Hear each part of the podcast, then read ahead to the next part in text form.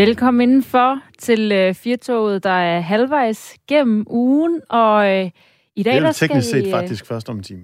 Om en time, ja. Helt, vi skal være helt præcis. Ja. Vi sender over to timer, Ja. ja. 15 til øh, 17 hver dag. Og det er med øh, din værter denne sommer, Emil Schønning og Astrid Date. Og øh, vi skal altså verden rundt af skinnerne i dagens program i dag. Vi skal til øh, bjørneangreb i øh, Grønland. Der har været en øh, isbjørn, der har givet nogen en, en måske ikke så øh, ønskværdig øh, opvågning. Jeg synes jo altid, det ville være skønt, hvis jeg vågnede, og der var en isbjørn ude foran mit vindue. Hvis den så bed mig, det ville jeg nok synes var rigtig træls. Men øh, vi skal altså forbi isbjørnene i Grønland, og hvad man skal gøre, hvis man møder en isbjørn, og det ikke er i zoologisk have, fordi så tager du altså bare hånden ned og spiser nogle popcorn og tager et billede, og så siger du til lille Pelle, at det er en isbjørn. Dem er vi i gang med at udrydde, fordi vi behandler planeten så dårligt. Men hvis du møder en ude i naturen, hvad gør du så? Det skal vi forbi den her time. Vi skal også til en øh, helt andet slags angreb, og det er i Japan, hvor at de ikke er særlig glade for tatoveringer. Øh, det er faktisk sådan, at øh, hvis man har en tatovering, så er der en masse ting, man ikke kan opleve af ting, som i virkeligheden er ret store, hvis man nu er endelig er flået hele vejen derover. For eksempel de her øh, onsen, som er deres øh, varme kilder, varme bade. Det må man ikke komme ind i, hvis man har en øh, tatovering. Så altså ingen åndsen, det synes jeg er vagt, Fordi jeg har for eksempel, for nu lige at binde det hele sammen, en isbjørnetatovering på mit ben, så vi skal høre i øh, næste time fra Asger Røgle, hvad det har konsekvenser for mig, så fremt jeg skulle få lyst til at tage til Japan på et tidspunkt. Og så skal vi til øh, Morse Kommune, der har fået en øh, særlig rapport, ikke rapport, rekord, og øh, det kan man så læse i en rapport fra øh, Rekredit Danmark. Og øh, det er altså, at det er det sted i landet, hvor du skal have det laveste indkomstniveau for at kunne købe en villa på 140 kvadratmeter. Var du overrasket over, at det var der? Ja, det var jeg faktisk.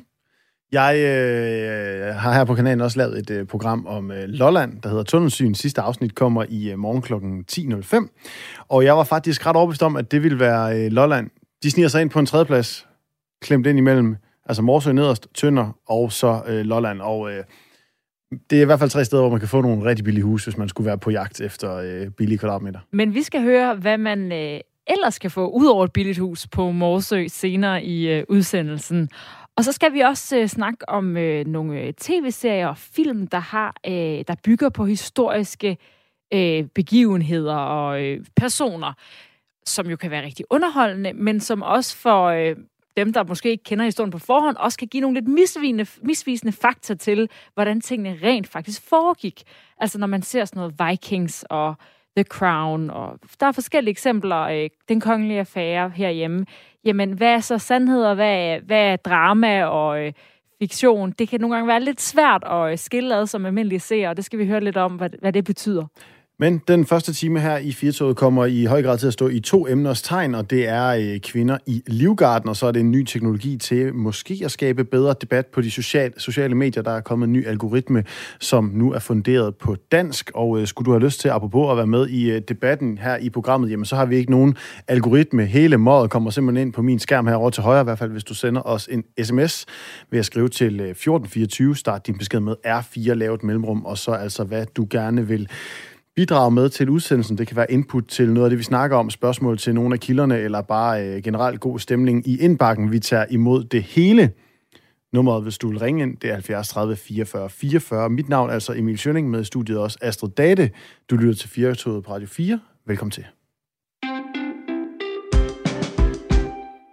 I dag kan man i øh, flere medier læse, at der er markant flere kvinder, der har søgt om at tage deres værnepligt hos Livgarden. Det er nemlig øh, 37 ud af næsten 400 rekru- rekrutter, der begynder i Livgarden til august.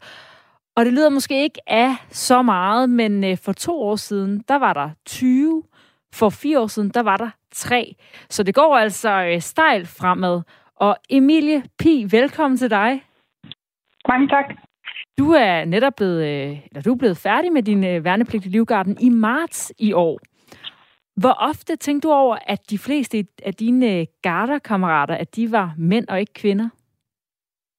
Det gjorde jeg ikke særlig ofte. Jeg var godt forberedt, inden jeg kom ind over, at, øh, at piger eller kvinder ikke var i øh, flertal, så det var egentlig ikke rigtig noget, jeg tænkte over på daglig basis.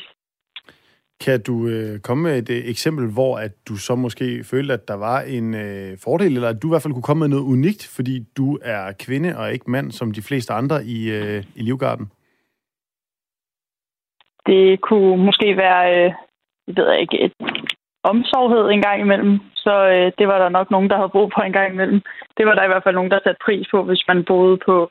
Jeg boede på en stue med kun drenge, og så var jeg ene pige. Det ved jeg i hvert fald, de satte pris på en gang imellem, lige at få en, en snak. Er der også øh, eksempler på øh, altså det modsatte, hvad ulempen kan være? Jeg føler ikke rigtigt, at der var nogle ulemper på den måde. Det var meget, at hvis man selv havde svært ved noget, så var der altid hjælp at hente, og sådan havde det også på den måde, at hvis de havde svært ved noget, så kunne de også godt få hjælp til det. Man kunne godt gå hen med en eller anden form for fordom om, at øh, det er sådan et, øh, en rigtig machokultur i, i, i forsvaret, altså øh, soldater og, og alt sådan noget. Altså, er, var det din opfattelse, at, at du kom ind i en kultur, som på en eller anden måde ikke havde været vant til, at der var så mange kvinder? Jeg følte ikke, at det var, at det var nogen, de ikke vidste, hvordan de skulle håndtere det, fordi at der blev ikke gjort forskel på, hvilket køn man var. Det var bare meget, du gør det her, du gør det her, og så gjorde man ligesom det sammen. Der var ikke øh, forskel på, om man var mand eller kvinde. Det var meget bare de samme vilkår for alle, og så fulgte man ligesom med. Altså, det lyder som om, at internt for dig, der er det, at øh, der var meget få kvinder, og at øh, i forhold til antallet af mænd, at det gjorde i virkeligheden ikke en særlig stor forskel. Hvad med de reaktioner, du øh, fik gennem din tid i Livgarden i forhold til at være øh, en af de få kvinder der? Hvordan var de? Det var meget, øh, altså, der var mange af mine gymnasievenner i hvert fald, der var meget overrasket over, at jeg skulle derind, for de troede faktisk ikke, at øh, kvinder kunne komme ind der. Men det øh, var der mange, der blev overrasket over, at kvinder godt og også nogle af vores familievenner og sådan noget, der er lidt ældre, der ikke troede, at man kunne komme ind som kvinde, fordi de har været vant til, at det kun har været mænd, der kunne komme derind. Hvordan opstod den her tanke om, at, øh, at du gerne vil i, øh, i Livgarden? Det var egentlig, min far har været i Livgarden, da han var ung, og så øh, fik jeg egentlig inspiration fra ham, og så søgte jeg ind, og så startede jeg. Og hvad synes du, du har fået ud af det? Jeg har fået en masse oplevelser med, en masse gode venskaber, og så har jeg også fået et bedre syn på, altså hvor, meget, hvor mange ting man egentlig kan, og hvor meget man kan, hvis man ligesom har en gruppe og nogle gode venner, der hjælper en igennem det, så kan man mere, end man tror i hvert fald. Og nu er der jo i år øh, 37 ud af næsten 400, der er kvinder, så som sagt ikke så mange, men vil det alligevel kunne gøre en forskel, at der kom flere kvinder i Livgarden altså, øh, og forsvaret? jeg tror bestemt, det vil være, det vil være fedt også, det man ligesom får ud af det bagefter. Det er, det er mange ting, man får med øh, efter det, så det vil klart gøre en forskel, og alle har jo noget med, de ligesom kan bidrage med forskelligt. Det vil klart være en fordel, og ikke en ulempe. Hvordan tror du, det kunne gøre en forskel? at måske at øh, ikke at generalisere, men nogle gange har, det oplevede vi i hvert fald i min gruppe, at øh, jeg havde øh, lidt mere overblik, hvor at øh, drengene de tog lidt det, det hårde læs en gang imellem, så det er jo godt at blande de der forskellige personligheder og de der forskellige øh, kompetencer, man har. Ja, fordi man kunne godt øh, få en, altså det tænker jeg da i hvert fald, at hvis man nu skulle begynde at være mere inklusiv og alt sådan noget i, i sin tilgang, så tænker man jo tit, at folk skal være helt lige. Er der måske endda en fordel i at sige, når nej, mænd og kvinder er ikke lige, og netop derfor kan det være en god idé, at der kommer flere kvinder ind i forsvaret for at bidrage med nogle helt andre ting, end de kompetencer, der allerede er? Ja, det synes jeg klart, fordi at det, det fede ved Livgarden det, og forsvaret generelt, det er, at man ligesom bare bliver proppet sammen ind på en stue, og så skal du ligesom prøve at fungere med de her mennesker det synes jeg er super fedt, fordi man alle sammen kommer fra forskellige steder, og man har alle sammen forskellige ting med i bagagen, så det komplementerer ligesom godt hinanden, og alle kan ligesom bidrage med forskellige ting. Og hvordan, øh, altså, en ting er, at du har været kvinde i Livgarden, men helt generelt, hvordan er det at være i det? Hvad, er sådan, øh, hvad har sådan været store oplevelser, du har fået igennem det? Jeg kan super godt lide, at der er meget struktur, og der er meget, altså man ved ligesom, så får man at vide en ting, man skal gøre, og så er det ligesom så går man i gang med det, at der er struktur i hverdagen, og man, der hele tiden er noget, man kan lave. Det synes jeg er super fedt. Og altså, øh, forsvaret forsøger sig i de her år at få øh, flere kvinder ind i, øh, i folden. Hvis du nu skal hjælpe lidt, nu øh, når du øh, er med her i radioen, kan du så sælge den her værnepligt til, til unge kvinder, der, øh, der måtte lytte med derude? Jeg tror, at det er sådan, at man egentlig bare kliché skal springe ud i det, og så se, at øh, om det er noget for en. For det meste, så er der, og man skal jo lige i gang og lige se, hvad det er for noget. Men sådan er det jo med mange ting, at man lige skal i gang med det, og så faktisk indse, at det faktisk er super fedt. Så spring ud i det og prøve det. Er der nogle øh, udfordringer? Altså, hvad, hvad, hvad har sådan været det sværeste ved det? Øh, klart, at der var så mange, mange nye indtryk i starten. Man er jo meget vant til at have sin base derhjemme, og i hvert fald de fleste kom hjem til ens forældre hver aften, men det er ligesom her, der står du ligesom lidt alene med det øh, i starten, og der er rengøring og så videre, men det der med, at man er, man er så mange om det og kan tale om det, det, det gør en stor forskel. Tusind tak, fordi at, uh, du var med her, øh, Emilia Pia, og dele dine uh, gode oplevelser som en af de få kvindelige værnepligtige. Selv tak. Og om ja, cirka et kvarters tid, der taler vi med Oberst Mads Rahbæk, der er chef for Livgarden. I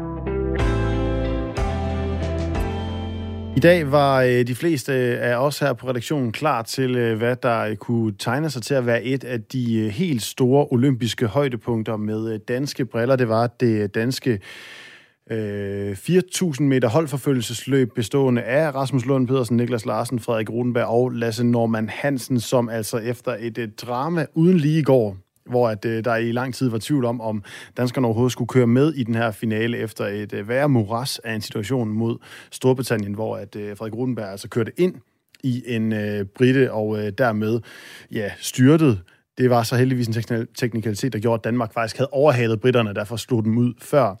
Og øh, så var, øh, hvad kan man sige, stien ligesom lagt. Forventningen var, at øh, det her danske banelandshold, som er helt uovertruffen god, gode, skulle øh, køre ikke bare en øh, OL-guldmedalje hjem, men også tage verdensrekorden fra italienerne, som lige havde snuppet den fra danskerne i, øh, i går.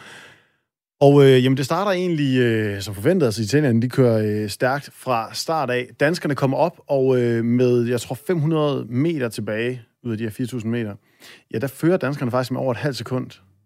Og så på sidste omgang, der formår italienerne at øh, køre tilbage, og det er efter øh, særdeleshed flot kørsel fra ham, der hedder Filippo Ganna, som trak ligesom læsset de sidste 500 meter. Og det gjorde altså, at øh, danskerne fik en øh, sølvmedalje, og det vil de fleste mennesker være utrolig glade for. Men øh, skuffelsen var i den grad til at tage at føle på hos det danske banelandshold. Og øh, ja, jeg vil sige, det var med til at ødelægge mit humør i dag. Var det det? Ja.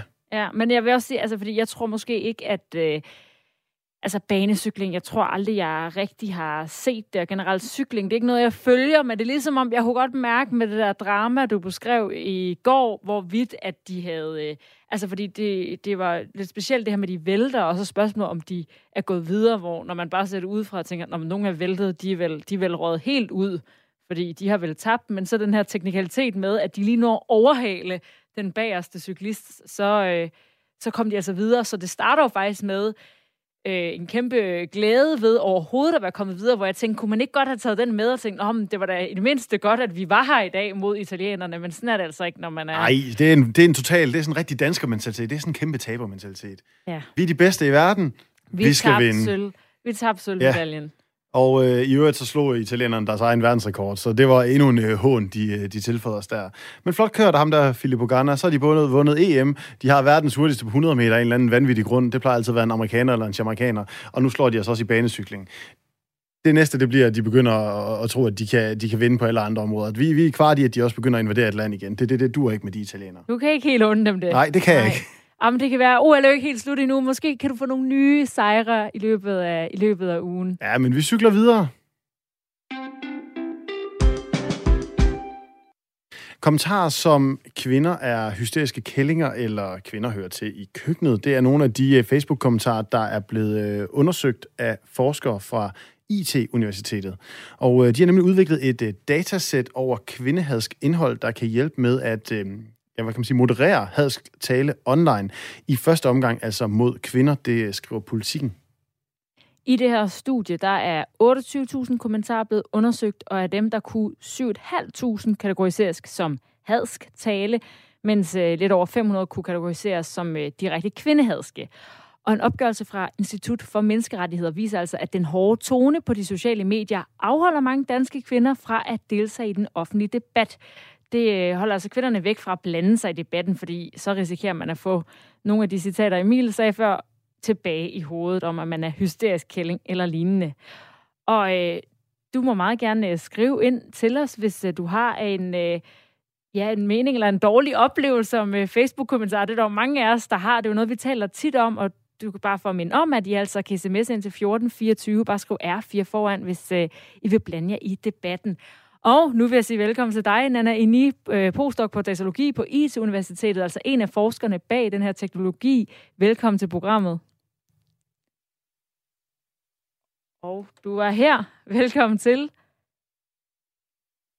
Mm-hmm. Nej, det er herover. Jamen, der er simpelthen der er for mange knapper i studiet. Er du her, Nana? Kan du høre mig? Ja, det kan jeg i hvert fald. Jeg beklager. Det var jeg skal godt. lige uh, Det var godt. Nej, nej, det er så fint. overskue rumstationen. Jeg står foran. I har nok øh, at trykke på. Nana, hvis vi starter med det her nye værktøj, altså hvordan kan det sørge for, at flere øh, kvinder ender med at deltage i den offentlige debat?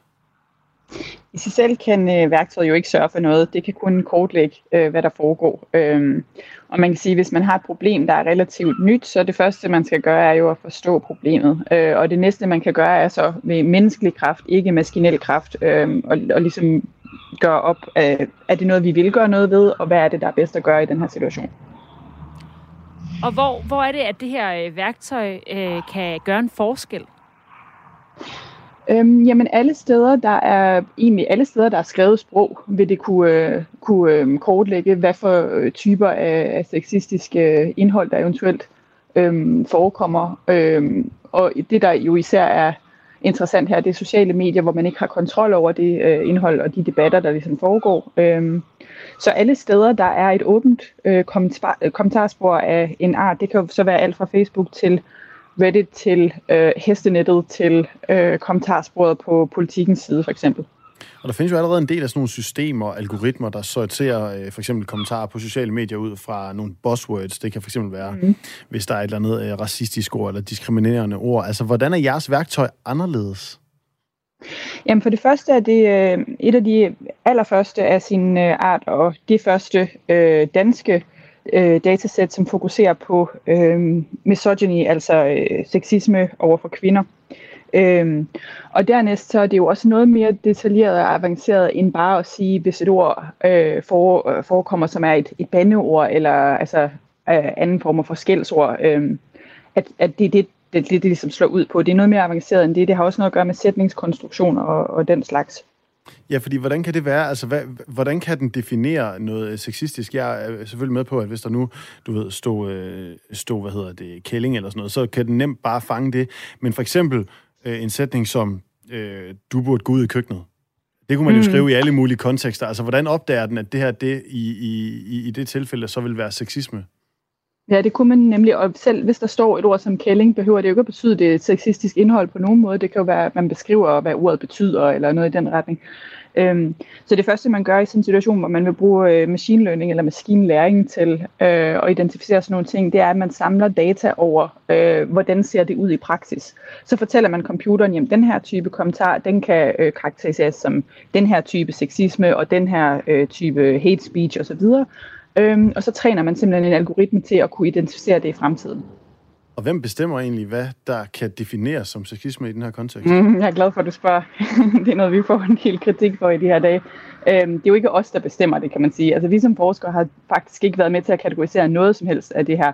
Vi har taget nogle definitioner, der er baseret på, øhm, hvad skal man sige, øh, social uh, behavioral science, uh, social psychology, tidligere forskning inden for abusive language og sådan noget.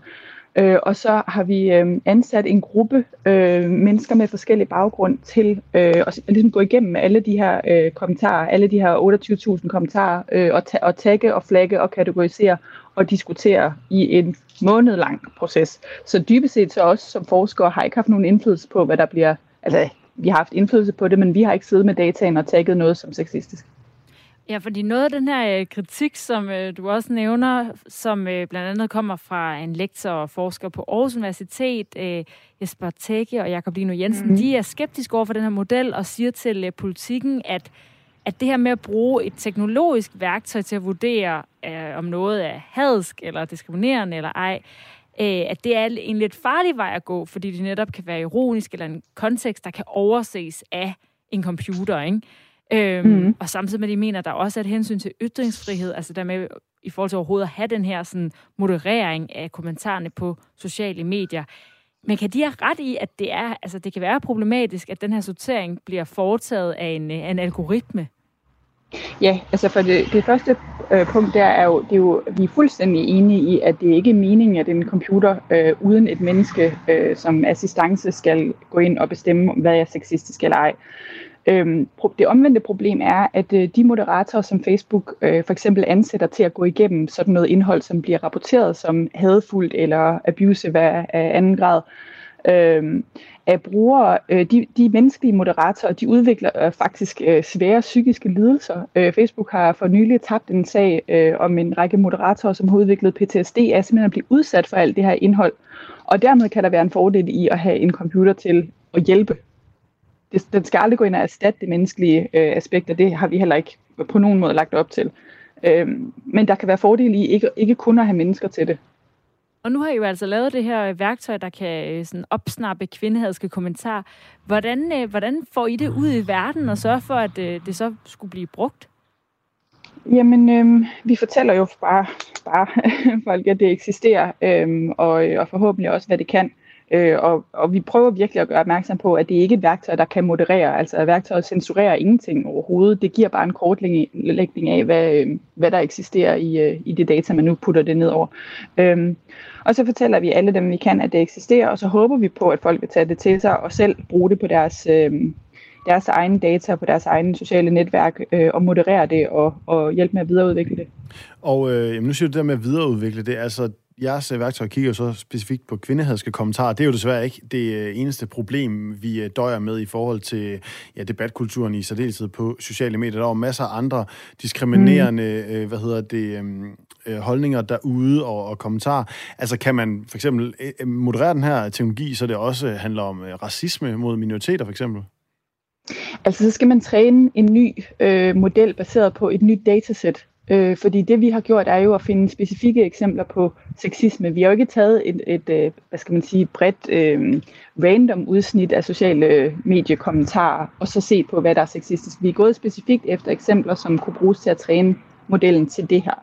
Øh, men metoden, vi har brugt, som også er fuldstændig transparent i, øh, i artiklen, og sådan, den kan man bruge, øh, hvis man så vil indsamle data om andre øh, øh, ja, racisme eller eller havde talt mod mænd for den sags skyld, eller, eller hvad man eventuelt kunne have interesse i. Tusind tak, øh, Nana Eni, øh, postdoc på datalogi, og som øh, altså en af forskerne bag det her værktøj fra IT-universitetet. Tak fordi du var med her i dag. Selv tak.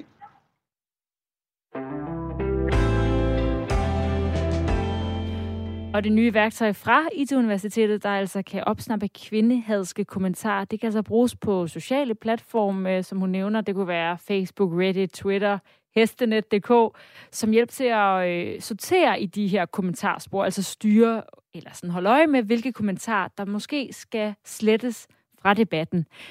På Facebook, der er det klart nyhedsmedierne, der giver flest interaktioner i kommentarsporet. Det skriver Fagbladet Journalisten på baggrund af en analyse fra Center for Journalistik på Syddansk Universitet. Og i en uh, top 20 over de medier, der får flest til uh, taskerne, tasterne på uh, Facebook, der er 13 af dem altså nyhedsmedier. Helt i top, der ligger TV2-nyhederne. Digital teamleder hos TV2, Julie Søsted Andersen. Velkommen til. Jo, tak. Hej. Du er leder for det team, der holder øje med debatten på TV2's nyhedssites på Facebook, altså slet, og, og hvad kan man sige, interagerer med de her mennesker, hvis der er nogen, der går over grænsen. Hvad kunne det for eksempel være, I, I oplever? Øh, hvad vi oplever, at vi skal slette. Ja, for eksempel. Øh, jamen, vi oplever jo mest sådan noget øh, som skældsord, eller øgenavne, eller bare ja, personangreb i hele taget. Det kan også være sådan noget, vi kalder sarkastiske spydigheder. Altså, at man er spydig og, og sarkastisk samtidig, sådan så at man... Det er jo typisk dansk humor, at det er meget sort, og det kan nogle gange godt blive sådan lidt lidt for, for sort og over grænsen, så sletter vi også det. Det er nok noget af det, vi sletter allermest af. Og hvorfor er der overhovedet brug for, at øh, folk som dig og dit team sidder og rydder sådan lidt ud i øh, debatterne på jeres sociale platforme? Øh, jamen, det der er brug for, fordi at, øh, at, at vi har nogle debatter, som, som stikker rigtig meget af nogle gange, og vi vil jo gerne have, at altså nogle vigtige samfundsdebatter, det er nogen, som alle har lyst til at deltage i. Øh, og når vi har en debat, som, øh, eller vi kan se, som, som Nana der også fortalt, at, at der er en retorik eller en tone på mange sociale medier, som gør, at folk måske afholder sig fra at deltage i debatten, øh, så er det jo selvfølgelig noget, vi, vi skal prøve at arbejde imod. Så derfor så, så er det nødvendigt, at vi sidder og holder øje og, og sletter det, som vi ikke øh, synes, at, der skal, at vi skal lægge side til. Øh, TV2-nyhederne, de havde næsten 1,7 millioner interaktioner på øh, deres Facebook-side bare i januar. Altså, øh, det virker jo øh, som utrolig meget. Altså, hvordan holder I øje med alt det her? Øh, ja, altså vi har jo et, øh, et team af nogle rigtig dygtige og gode folk, som holder øje med alle vores debatter. Øh, det gør de på tværs af vores platforme og sider.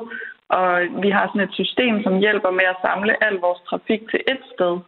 Og inde i det system, der kan vi så filtrere i al, i al trafikken, øhm, sådan så vi bedre kan følge med og se, hvad for nogle tråde, der er aktuelle og aktive, og hvor debatterne de stikker af. Og hvor, hvad, er det, hvad kigger I særligt efter i de her debatter? Øh, jamen det er sådan noget som personangreb eller øh, uenigheder, hvor folk ikke kan finde ud af at være uenige på en, i en ordentlig tone. Øhm, altså at man, at man bare kan finde ud af at diskutere, øh, som man ville gøre med en, som man stod overfor. Så vi kigger meget efter personangreb eller øh, spydigheder eller trusler og sådan noget. Øhm, det, ja, det kan også bare være øh, grimme emojis, altså en, en klovne-emoji, som er sendt til en, en kommentar. Det, det gider vi heller ikke at se på. Det, det synes vi bare ikke er god debatstil. Nej, hvis jeg nu så, øh, Astrid, hun øh, skriver et eller andet inde på øh, en nyhedshistorie, I har lagt op på jeres side, og, og jeg synes, at det er totalt åndssvagt. Hun har en fuldstændig galt afmarcheret holdning, og så sender jeg for eksempel en, en klovne-emoji. Bliver det, altså, sletter man så det, eller er der en af jer, der går i debat med mig og siger, hvorfor kalder du hende en klovn, og er du ikke selv? Ja, det siger jeg nok ikke, men altså, går, ind i, går man ind i debatten, eller siger man bare, øh, nej, det skal ikke være på vores side, det her? Vi sletter faktisk bare. Vi ser alt for meget sådan noget der til, at vi har tid til at gå i dialog med alle, som, øh, som overskrider vores retningslinjer. Men, men nogle gange kan det godt gavne at sige, øh, hvis vi kan se, at der virkelig er en god intention bag en, en kommentar, så kan det sagtens gavne at gå i dialog med personen og sige, du har... Øh, Øh, tak for dit bidrag til debatten. Hvis du bare lige sletter det der skældsord eller det der øgenavn, så skal vi nok lade den stå. Øhm, fordi nogle gange kan, det, altså, så kan følelserne godt løbe lidt af med en, hvis man er meget passioneret omkring det emne, der bliver debatteret. Øhm, så kan vi godt, vi kan godt gennemskue, om, om den, den rette intention er, er der. Øh, og så vil vi gerne give mulighed for, at man kan ændre eller redigere i sin kommentar. Du siger, du øh, ser og læser rigtig meget til at kunne gå i dialog med alle. Altså, øh, jeg kunne forestille mig, når der er 1,7 millioner interaktioner bare i januar, hvordan, altså, øh, i forhold til indholdet, altså, kan du så stadigvæk blive overrasket over, hvad folk kan finde på at skrive? Mm, ja, altså, ja, folk kan være rigtig kreative, øh, og det, det kan være en stor udfordring for os, fordi at vi jo, altså hvis vi hele tiden selv manuelt skal opdatere vores filtre, Øhm, så når jeg ser et nyt øgenavn, øh, så, så skal jeg ind i vores filter og, og skrive det ind, sådan så at det bliver fanget, når det bliver skrevet fremover. Øhm, så ja, jeg kan stadigvæk godt blive, øh, blive overrasket, og jeg tilføjer hele tiden nye ting til vores filtre. Øh, den, det bliver hele tiden opdateret. Så, så folk er virkelig kreative og, og holder os på tæerne. Hvordan føles det? Altså, I har jo nærmest en opdragende effekt på, øh, på rigtig mange danskerne derude i forhold til, hvordan man snakker sammen på de sociale medier. Hvordan er det at sidde med det der øh, ansvar, som det jo på mange måder er at skulle moderere sådan en debat? Og vælge, mm. hvad der skal være ord i et filter, som, øh, okay, nu er klovnesmileyen, den er for meget nu. Ja, altså jeg synes jo, det er, jeg synes, det er en mega vigtig opgave, og jeg er meget stolt af, at mit team sidder og laver sådan et vigtigt stykke arbejde Øh, de er sindssygt dygtige til det, så, så jeg, jeg er meget glad for mit job, og jeg er stolt over, at vi gør det her, at vi, at vi går så øh, intensivt ind i den her kamp mod øh, folk, der taler grimt til hinanden på nettet, fordi det burde bare ikke kunne lade sig gøre. Øh, og jeg håber at det har en opdragende effekt. Øh, det, det føler jeg, det har. Ja, og, og Julius Andersen, når du siger det her, altså jeg kan jo ikke, hvis jeg, øh, når jeg falder over øh, kommentarspor på, på Facebook, så, så giver jeg op. Altså, så, så mister jeg næsten sådan helt troen på, at øh, vi danskere, vi er voksne nok til at have adgang til internettet, og vi er voksne nok til alle sammen at kunne, øh, kunne stemme ved et folketingsvalg, og i øvrigt bare øh, altså gebært os ude i, øh, i den frie virkelighed, fordi at det nogle gange tænker, at det, det er simpelthen, som du siger, folk er kreative, og det er ikke på den øh, sådan helt positive måde. Bliver du, altså, nu arbejder du noget mere intensivt med det, end den øh, trods alt relativt begrænsede mængde, jeg bliver eksponeret for det her. Bliver du nogle gange også sådan helt opgivende, eller synes du egentlig, at du ser positive tendenser? jo, altså jeg kan da godt nogle gange gå, øh, gå hjem og have mistet troen på menneskeheden en lille smule. Men, men jeg vil sige, at der er gode dage, og der er dårlige dage. Øhm, altså, jeg synes jo selv, at vi er ret gode til i teamet også at, at holde hinanden holde humøret højt og dele de erfaringer, vi gør os, og, og også dele de sjove ting. Vi har også enormt mange virkelig gode brugere, og sådan, øh, de, nu sagde I selv, at vi har haft 1,7 millioner interaktioner i januar, men langt størstedelen af dem er jo virkelig gode interaktioner, og vi har nogle virkelig dejlige brugere, og vi har nogle virkelig dejlige læsere, og vi, øh, vi udgiver jo enormt meget vigtig journalistik, som folk er rigtig gode til at debattere og tage imod. Så, så jeg synes også, at der, altså, der er virkelig mange positive ting, som der sker på internettet. Og jeg synes, det bliver ved med at fascinere mig, hvor, hvor godt, at folk er inde i vores øh, samfund, og hvor meget de har lyst til at engagere sig i, i, i de ting, som sker, og som, vi, altså, som påvirker os alle sammen. Det synes jeg er vildt dejligt at se. Vi talte jo før med en forsker fra IT-universitetet, der har været med til at lave et værktøj, der konkret kan pege kvindehadske kommentarer ud. Er det noget, der vil være en hjælp i uh, jeres arbejde? Mm, altså, vi har jo i forvejen et system, som, som har de her filtre, som jeg snakker om, hvor, hvor, hvor, vi, hvor vi filtrerer efter nogle bestemte ord og vendinger, og der er jo selvfølgelig også nogle af de ord i, som man ville kalde øh, kvindehadske øh, ligesom der er racistiske eller voldelige eller øh, sådan noget. Altså alle de ord opfanger vores system, så ja, øh, vi bruger allerede et system, som kan opfange sådan nogle ting. Øh, vi, vi ser det mere på et generelt plan end på, øh, på sådan et kun kvindehadske kommentar. Og øh, sådan lød det altså fra digital teamleder hos TV2, Julie Søsted Andersen. Du får lige et øh, sådan en øh, thumbs up like herinde fra øh, studiet, og øh, god fornøjelse med øh, modereringsarbejdet på altså den, øh, det, det mest trafikerede øh, Facebook-site i Danmark, nemlig TV2-nyhederne. Yes, tusind tak for det.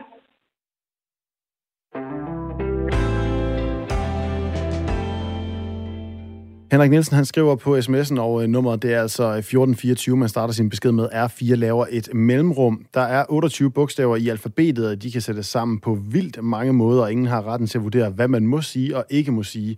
Det her algoritmediktatur bør lukkes ned, da det begrænser den frie demokratiske debat. Stop nu den perfide krænkelseskultur. Det var en... Det var, det var folk skal lov at sende alle de klovne smileys, ja. de vil. Ja. Opsang. Det kan man sige. Det er en, øh, et billede på, at øh, jeg tror, Henrik synes, at, øh, at det er en indskrækning af ytringsfriheden, at en computer skal til at vurdere, hvad kan der stå her, og hvad kan der ikke stå her. Og det er jo også en god pointe i øh, debatten, altså øh, hvorvidt øh, tonen skal være, altså at det betyder noget for, hvad man må sige. Fordi vi må jo i virkeligheden sige tingene, som vi vil, og så kan man jo som medie beslutte sig for, okay, hvad er det, de synes, der gavner debatten mere, og hvad altså mudrer det i virkeligheden, og gør, at øh, folk som dig kigger på kommentarsporet og tænker, jeg overgår ikke engang at, øh, at læse mere end videre end første kommentar. Og derfor så er det øh, godt, at øh, de kommentarer, vi får, det er altså inde på sms'en 1424 er fire mellemrum din besked, og så kommer den øh, ind til os. Og så vender vi altså tilbage til det, vi startede dagens program med, og det er nemlig at tale om tallet 37, fordi så mange kvinder er der nemlig på det kommende hold rekrutter i Livgarden. Det er 37 ud af 394, så øh, altså kun små 10 procent, og en øh, del lavere end de 20 procent, som det generelle antal af kvinder ligger i forsvaret.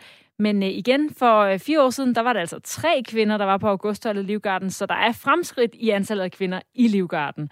Oberst Mads Rabeck, chef for Livgarden, velkommen til programmet. Tak skal du have. Det har været et mål at få øh, flere kvinder til at melde sig øh, til blandt Livgarden men også værnepligt generelt. Hvad er det, der har gjort udslaget nu? Jamen, når vi spørger de øh, rekrutter, vi har fået ind, så svarer de næsten alle sammen, at grunden til, at de er kommet i Livgarden, det er, fordi de har hørt fra venner og bekendte, at det var godt, og det skulle man prøve. Så jeg tror jo på, at det er sådan en tilforstærkende effekt. Jo flere kvinder vi har, jo flere kvinder hører om det, og det, på den måde vokser det. Det er jo ikke, fordi vi som sådan har lavet nogle særlige kampagner af den årsag. Og hvis vi nu skal øh, generalisere lidt, det skal man jo altid egentlig passe lidt på, men nu prøver vi lige alligevel. Hvad er der så af forskel på en mandlig og en kvindelig rekrut? Nej, det er jo ked af, at jeg skal fortælle dig. Men øh, nej, hånden på hjertet, jeg tror ikke, der er den store forskel. Øh, vi ser jo på deres evne til at løse opgaverne. Øh, og, og der er ikke øh, en nævneværdig forskel. Det synes jeg ikke, man kan sige. Det, de bliver alle sammen behandlet under fuldstændig lige vilkår. Vi stiller de samme opgaver. Rygsækken bare er det samme, og marsturen er lige lang. Øh, så der er i bund og grund ikke en stor forskel. Det påvirker jo miljøet, at der er forskellige køn, og det påvirker også opgaveløsningen, at der er forskellige køn, og de har forskellige tilgang til, hvordan man løser forskellige opgaver i samarbejdsrelationer og sådan noget. Men jeg synes ikke, man kan sige, at der er specielt forskel på det. Men det gør alligevel en forskel, at der så er øh, rekrutter af begge køn i Livgarden. Hvordan det? Jo, altså halvdelen af befolkningen er kvinder. Øh, halvdelen af verdens befolkning er kvinder. Og det vil sige, at hver gang vi skal løse en operativ opgave, hvor vi har med, skal vi kalde det publikum at gøre, uanset om det er vores nationale operationer med garderne, eller det er vores internationale øh, operationer med de professionelle soldater, så betyder det noget, at vi har soldater af begge køn, som kan håndtere og øh, kommunikere og samarbejde med de personer, der er øh, i de områder, hvor vi skal være. Og, og det gør det bare nemmere.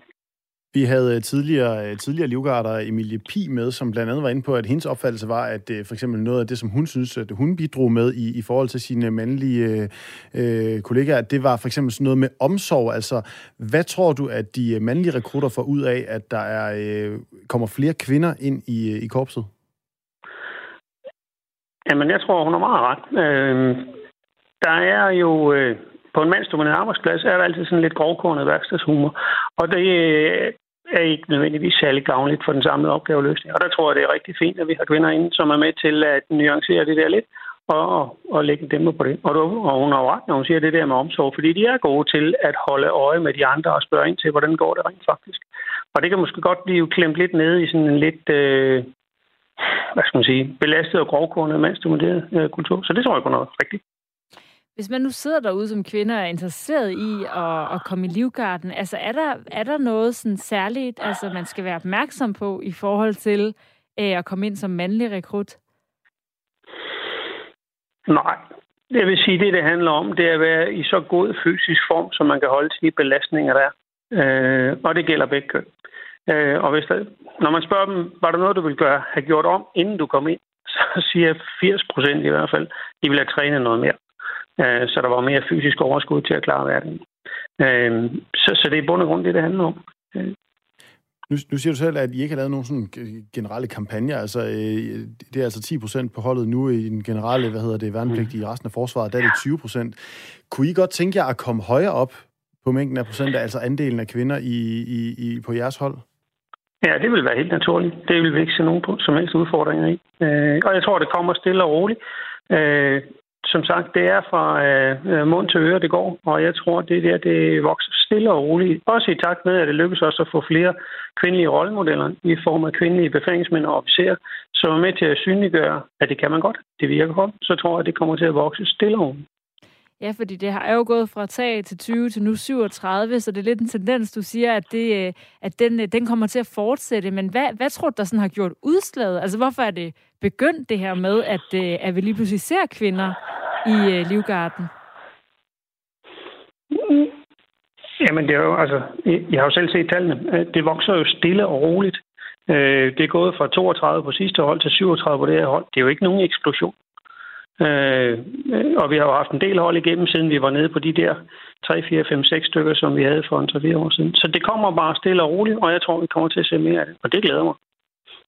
Og øh, jamen, nu sætter jeg bare lige et lille øh, tankeeksperiment op. Altså, kan man på et tidspunkt komme til en grænse, hvor man kan sige, her er der et uh, cirka max for, hvor stor en andel af rekrutterne på et hold, der kan være kvinder, ligesom at man jo også på et eller andet tidspunkt med større ligestilling kan sige, når man der kan også være et uh, max af antallet af mænd. Altså, kan man på et eller andet tidspunkt sige, her er altså grænserne i, i den verden, vi er i nu. Vi kan ikke kun have mænd, vi kan ikke kun have kvinder, vi skal have cirka den her fordeling. Det er måske lidt hypotetisk. Hvis vi holder os til fakta, så kan man sige, at vores søsterregiment i Norge, hans majestæt Kongens Garne, som har den samme type opgaver og uddannelse, som er sammenlignet med os. De har jo haft kvindelig værnepligt de sidste par år. De har et par 30 procent kvinder. Øh, og det ser de slet ikke som noget problem i hverdagen, øh, hverken i uddannelsen eller i tjenesten. Så jeg tænker, øh, lad os nu se den anden ind, til vi når dertil. Øh, og hvad der sker på den anden side 30 procent, det må vi forholde os til, når vi kommer derhen til. Og det kommer til at lyde, som om vi tæller det helt ned, men vi synes jo også, det er en god nyhed herinde, at der er flere kvinder i øh, Livgarden, der har lyst til at kaste ud i det.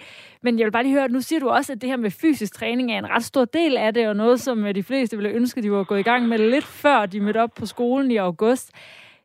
Der er jo en forskel på øh, kvinder og mænds fysiske formåen. Har det betydning for, øh, for et øh, forløb som øh, værnepligtig i Livgarden?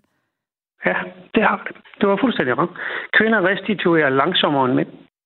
Og det vil sige, øh, de har, øh, hvis de skal presse sig selv 100 procent, så skal de også have lidt mere tid til at restituere. Derfor er det rigtig skidt, når de starter i, i fysisk dårlig form, for så belaster de sig selv rigtig hårdt, og så er det svært at nå at restituere med det relativt pressede program, vi har. Øh, så det er faktisk en rigtig god idé at, som kvinde at være i ekstremt god form, fordi så er det nemmere at holde trit med den fysiske udvikling, der sker. Der er fire måneders grunduddannelse, inden de rykker ind i vagtkommandet til at gennemføre vagttjeneste, og det er benhårdt. Øh, og derfor øh, er det fuldstændig rigtigt. Der, der skal øh, være en god form øh, til stede, for man kan holde til det. Ellers så går man i stykker.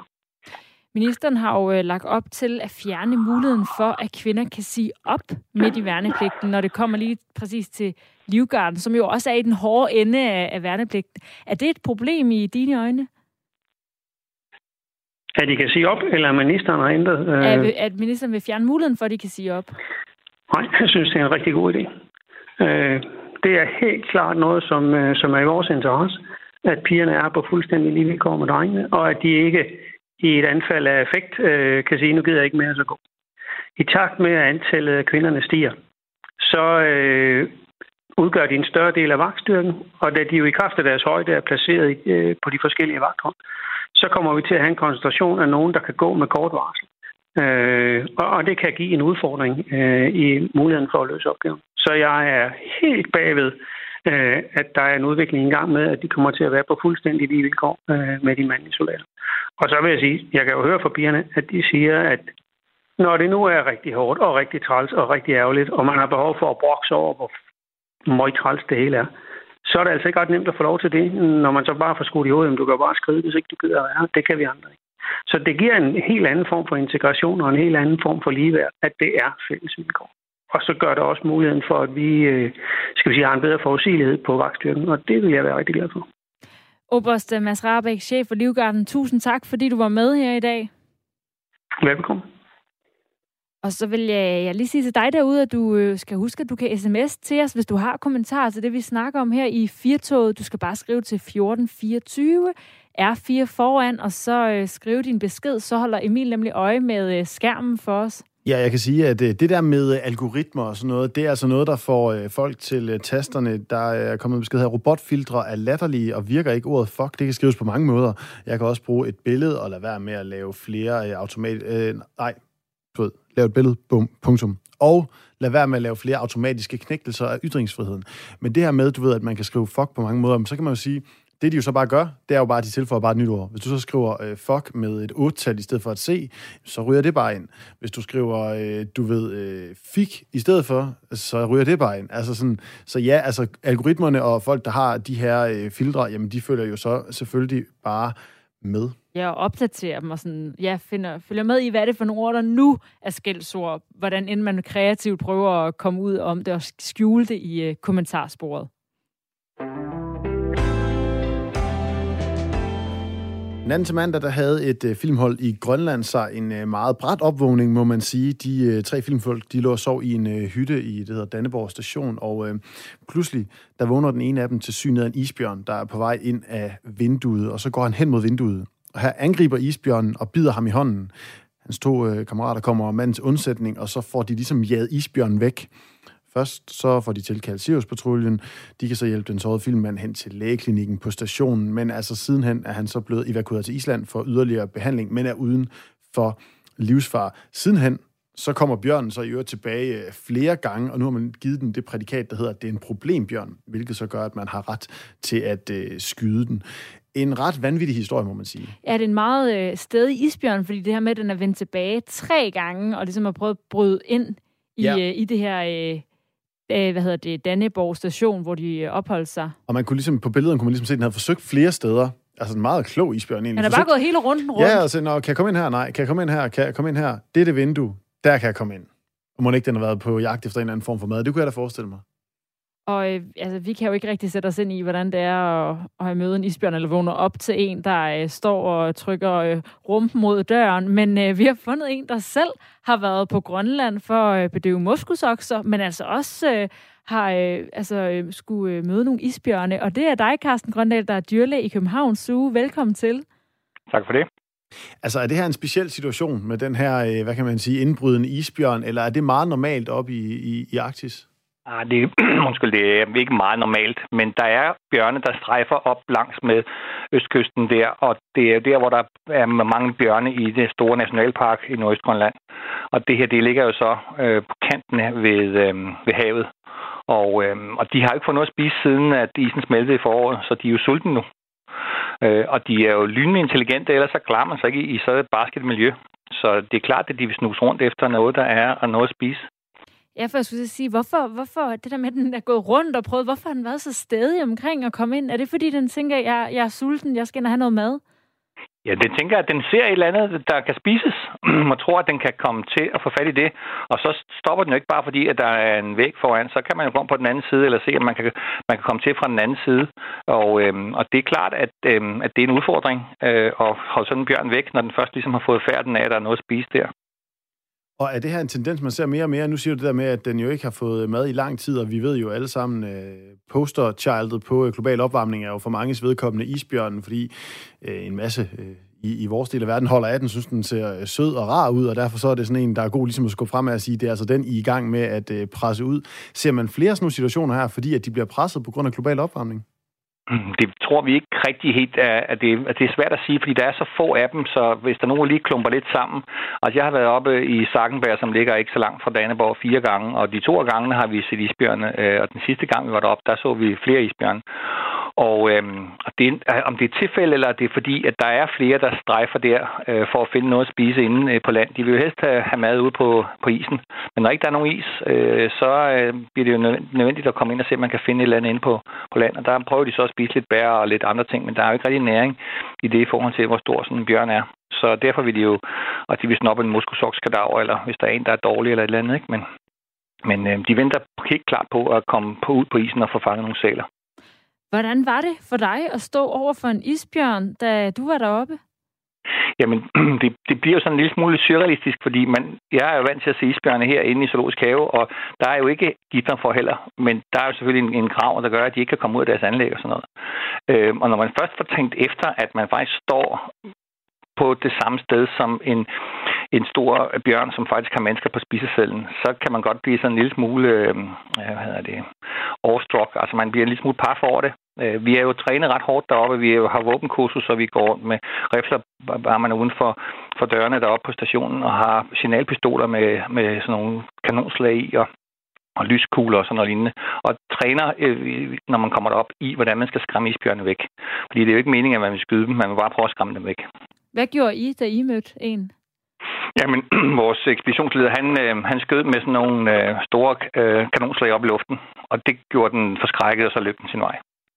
Ja, det kan man jo egentlig godt forstå. Det tror jeg også, jeg vil blive, hvis, øh, hvis jeg, hvad hedder det, øh, blev øh, sådan halvt beskudt med øh, kanonslag. Altså, man, jeg tænker, at du har jo, som du selv siger, set en, en isbjørn mange gange, og jeg tænker også, du har forberedt dig på at, øh, at se den. Nu sagde du, at du blev awestruck.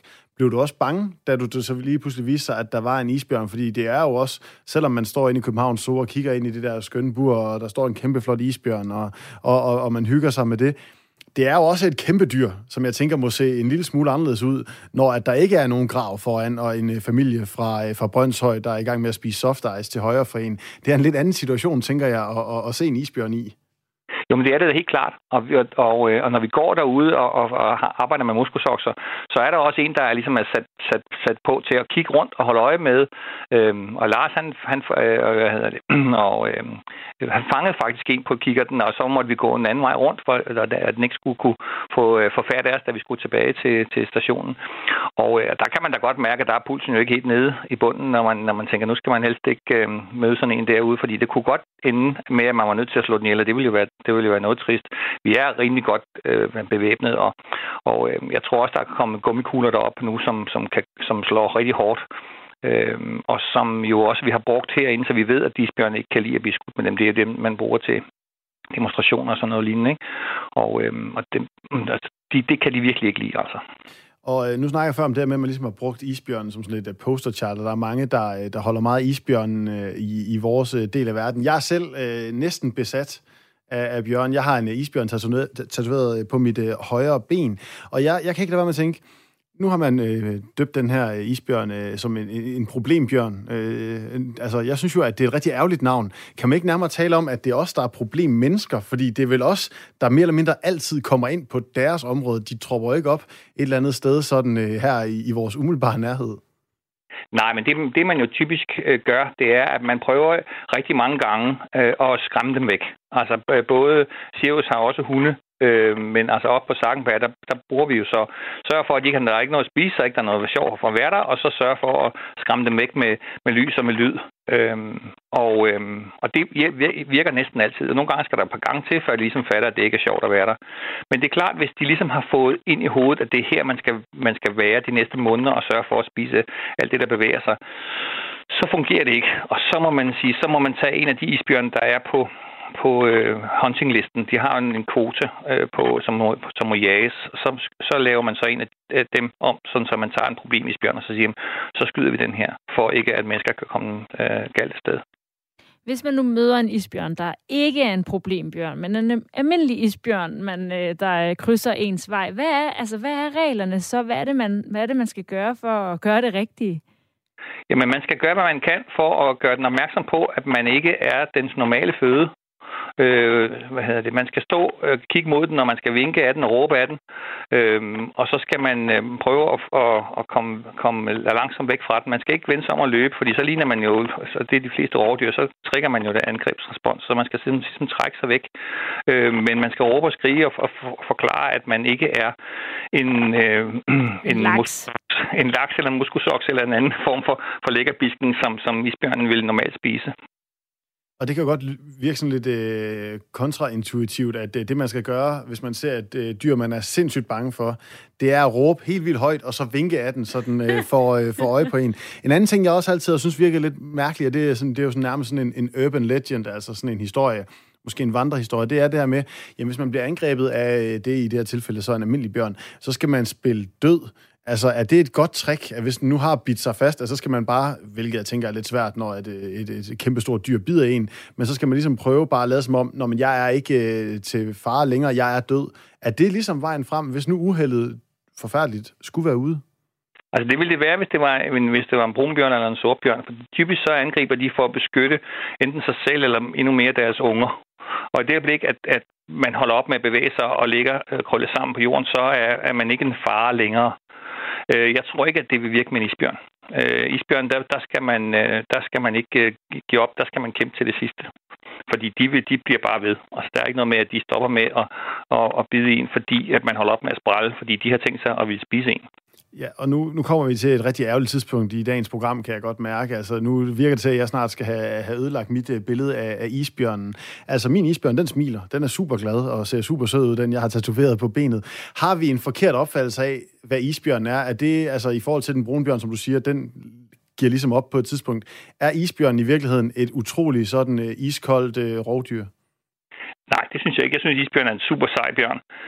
den lever primært af øh, og dræbe øh, andre dyr, og øh, hvorimod den brune bjørn er sådan lidt mere end alt det, og den lever også af bær og, og lidt, øh, lidt frugter og lidt øh, græs og lidt øh, ting og sager, øh, øh, som den kan spise, hvorimod isbjørnen den primært lever af at slå sæler ihjel.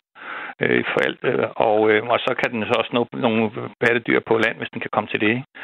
Øh, men det er, det er en super sej øh, bjørn, og den lever af steder, hvor ingen andre kan bo. Altså de, de steder, hvor den er, øh, der er der ikke andre, der kan leve. Og, øh, og det, at, at de nogle gange ikke får noget at spise i 4-5 måneder, øh, og, de, og at de så spiser 75 procent af deres mad i løbet af foråret for hele året, når der er, når der er åben for selvbefæn. Det er da noget af det sejeste, man kan forestille sig. Tusind tak, fordi at du var med her og fortælle, Carsten Grøndal. Der er altså dyrlæge i øh, København Zoo, fordi vi skal øh, videre til nyhederne, og så er ja. vi tilbage bagefter med mere Firtoget klokken er 16.